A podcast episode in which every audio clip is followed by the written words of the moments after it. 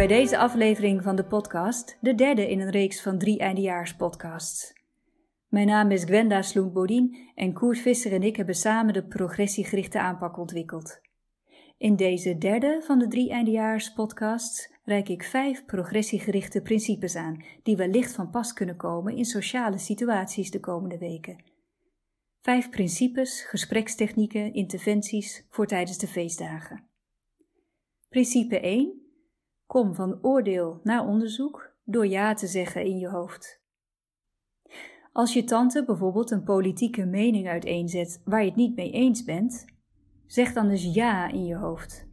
Dat klinkt misschien wat tegenintuïtief, want ja is niet het eerste dat in je op zal komen. Maar door ja te zeggen in je hoofd kom je in een open en onderzoekende state of mind terecht. En dat is handig, want op familieruzies zit niemand te wachten. Als je open en onderzoekend in gesprek bent, ga je automatisch vragen stellen en proberen te begrijpen wat de ander zegt.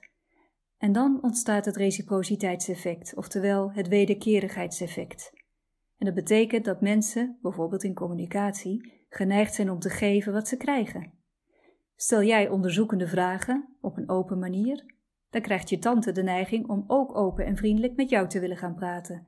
En zo kunnen jullie, terwijl je het oneens blijft over de inhoud waar het over gaat, je toch verbonden blijven voelen met elkaar.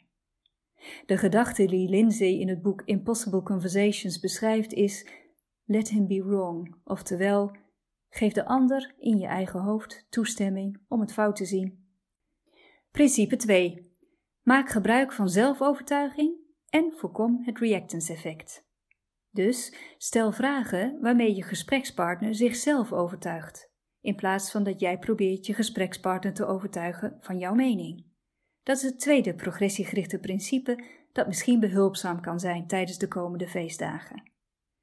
Door vragen te stellen komt de ander in de positie van uitlegger, in plaats van in de positie van ontvanger. Als mensen een stelling op zich afkrijgen, dan roept dit een beoordelende state of mind in ze op. Ze gaan beoordelen of ze het eens of oneens zijn met de stelling. Stel dat je neefje zit te twijfelen of hij vegetariër zal gaan worden. En stel dat jij dat wel een goed idee zou vinden, omdat je daar zelf een paar jaar geleden ook voor hebt gekozen. Je krijgt dan misschien de neiging om je neefje te gaan uitleggen waarom jij het een goed idee zou vinden als hij zou gaan stoppen met vlees eten. Bijvoorbeeld door gruwelverhalen over slachtingen of preken over het milieu. Maar als je dat doet, loop je het risico dat het reactance effect bij je neefje wordt opgeroepen. Hij gaat zich beschermen tegen jouw overtuigingskracht. Dikke kans dat hij na afloop minder bereid is vegetariër te worden, in plaats van meer. Dus wil je de kans vergroten dat je neefje ervoor gaat kiezen te stoppen met vlees, dan kun je hem beter vragen stellen. Zoals: Wat zijn je overwegingen om eventueel vegetariër te gaan worden? Of hoe ben je tot die gedachte gekomen? Of wat pleit er wat jou betreft voor om te gaan stoppen met vlees eten? En laat je neefje daarna met rust. Gun hem zijn eigen tijd om zijn eigen beslissingen te nemen. Dan heb je grotere kans dat hij volgend jaar tijdens het kerstdiner geen vlees meer eet. En meer kans dan wanneer je hem hebt proberen te overtuigen dat hij toch echt vegetariër moet worden. Principe 3. Zeg positief nee. Positief nee zeggen kan erg handig zijn om te kennen en te gebruiken de komende feestdagen. Stel dat er iets wordt gezegd of gevraagd waarvan je denkt: nee, hier wil ik niet op ingaan of hier wil ik het niet over hebben. Bijvoorbeeld, je opa vraagt wanneer jij en je man nou eindelijk eens aan kinderen gaan beginnen. Botweg zeggen dat dat hem niks aangaat, dat is wel duidelijk, maar het kan je relatie met je opa ook onder druk zetten.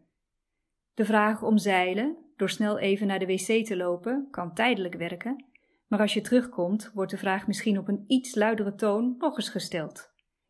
Vertellen dat jullie inderdaad aan het proberen zijn om kinderen te krijgen, dat zou misschien wel leuk zijn voor je opa om te horen, want dan krijgt hij antwoord op de vraag. Maar het kan net jouw grenzen overgaan. Jij vindt bijvoorbeeld helemaal niet dat je familie dat allemaal hoeft te weten, en misschien je man ook wel niet. Dus wat kun je zeggen zodat de relatie met je opa goed blijft en je geen informatie geeft die je niet wil geven? Dat kun je doen door gebruik te maken van positief nee zeggen. En dat klinkt zo: Opa, ik snap best dat u daar nieuwsgierig naar bent. Alleen ga ik die vraag niet beantwoorden. De reden daarvan is dat mijn man en ik hebben afgesproken dat we dit soort belangrijke beslissingen alleen met elkaar bespreken en niet met anderen. maar ik wil u wel iets vertellen over hoe het gaat op mijn werk. Wilt u daar iets over weten?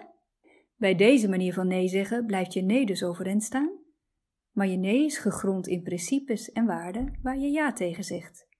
En via je alternatieve suggestie laat je merken dat je wel de relatie goed wilt houden en dat je bereid bent om te investeren in de relatie en in het gesprek. Principe 4. Mutualiseer. Mutualiseren betekent gemeenschappelijk maken. Als mensen het ergens over oneens zijn met elkaar, dan kunnen de emoties hoog oplopen. Stel dat je moeder aan het kerstdiner zegt dat het vrouwenquotum een slechte zaak is, omdat ze het fout vindt om te selecteren op basis van geslacht. En stel dat je broer het daarmee oneens is, omdat hij vindt dat vrouwen decennia lang op een negatieve manier zijn gediscrimineerd. En stel nou eens dat het jouw doel is om het wel over belangrijke onderwerpen te kunnen hebben, maar dan op een vriendelijke manier, zodat de relaties intact blijven. Wat zou je dan kunnen doen als je merkt dat de emoties beginnen op te lopen? Dan zou je kunnen mutualiseren. Dat wil zeggen dat je het gemeenschappelijke achterliggende belang benoemt. Bijvoorbeeld zo. Dus jullie vinden het allebei belangrijk dat vrouwen de kans krijgen op hogere functies terecht te komen? Dikke kans dat beide hierop ja natuurlijk zullen zeggen. En dat is mutualiseren. Het voordeel van de instemming van beide met een achterliggend doel is dat ze elkaars positieve intenties beter gaan begrijpen en beter gaan zien dat ze eigenlijk dezelfde dingen belangrijk vinden en het alleen nog niet zo eens zijn over welk middel het beste ingezet kan worden. Nummer 5 is gebruik tentatieve taal. Dat wil zeggen dat je in je intonatie en in je woorden steeds ruimte biedt aan de ander om te corrigeren, aan te vullen, te nuanceren en open te blijven. Stel dat iemand klaagt dat 100 km per uur echt een stomme nonsensmaatregel is en dat de politiek echt niet te vertrouwen is. En stel dat jij daar anders over denkt, maar wel benieuwd bent naar de positieve bedoelingen van je gesprekspartner. Dan kun je met een tentatieve, dus een onderzoekende en ruimtebiedende toon reageren. Bijvoorbeeld zo: Klopt het dat jij liever andere maatregelen zou zien om het stikstofprobleem aan te pakken? Dit zeg je vast niet zomaar. Waar pleit jij voor? Dat laatste principe is dus een voorbeeld van een tentatieve toon en het gebruik maken van reframen, net iets positiever teruggeven van een negatieve stelling van je gesprekspartner.